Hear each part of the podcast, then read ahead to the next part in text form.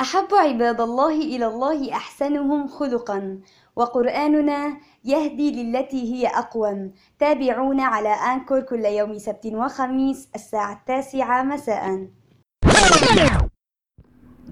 يا عم سيبك. أنا أصلا دبش وما بيهمنيش. اصبري بس ده أنا هقصف لك جبهتها دلوقتي. إنما إيه؟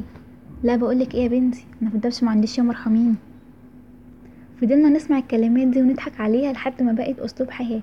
وبقى الاستخفاف والاستهزاء بمشاعر الناس اللي حوالينا هي النكته اللي بتعدلنا اليوم.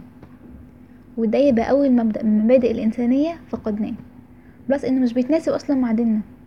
لأن ديننا دين يسر وجبر خواطر وتطيب للنفوس اللي حوالينا. كتير مننا فقد معنى الشفقة والرحمة وبقى بيتعامل بقسوة. بقى مش عارف ولا فاهم يقتدي بالشخص الصح. أنتوا عارفين إحنا ليه بقينا كده؟ بكل بساطة إحنا بنقلد بعض. لما يكون عندنا شخص وآيات قرآنية تقول لنا stop اللي بيحصل ده ما ينفعش وإحنا برضو نستمر.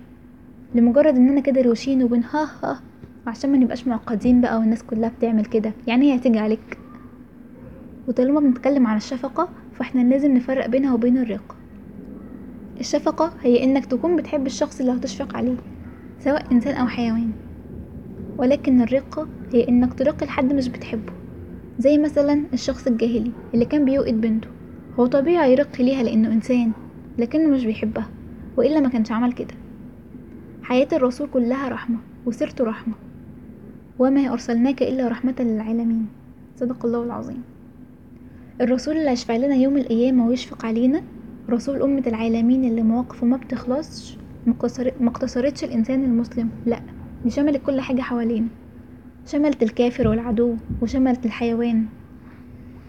مرة الرسول عليه أفضل الصلاة والسلام شاف جمل وعينيه فيها دموع.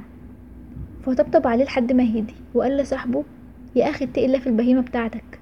أنت بتجوعه وبتتعبه لحد ما اشتكى. وكانت السيدة فاطمة بنت الرسول لما بتروح بيته كان بيقوم وبيقعدها مكانه. كمان من مواقف الرسول الرحيمة بأمته إنه وصى أصحابه إن لو حد هيئم الناس في أي صلاة فليخفف عشان احتمال يكون فيهم الصغير والكبير والمريض والضعيف ولكن لو هيصلي لوحده يصلي زي ما يحب. طب هل الشفقة دي ليها أنواع؟ قال لي أيوة في شفقة محمودة ودي اللي إحنا اتكلمنا عليها وفي شفقة مذمومة. مرة بقول للمراقب لو سمحت مش قادرة افتكر المعلومات ممكن يسكتوا؟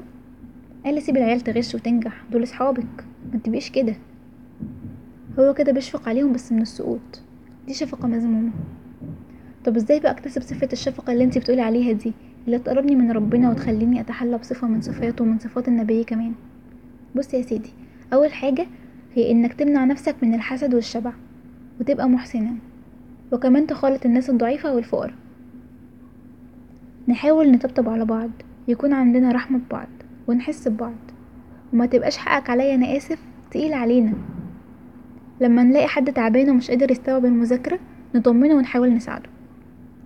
حاولوا وجاهدوا تكونوا أشخاص كويسة. تبقى سيرتكوا حلوة بين كل الناس. ما تسببش أذى لحد. عامل كل الناس بما يرضي الله حتى لو كان أضعف خلق الله. دي الصفات اللي اتربينا عليها واتعلمناها بلاش مصاعب الحياة نسينا الدين. ربنا غفور رحيم. جاهد وجاهد وجاهد وما تيأسش. ذات نو بتكملك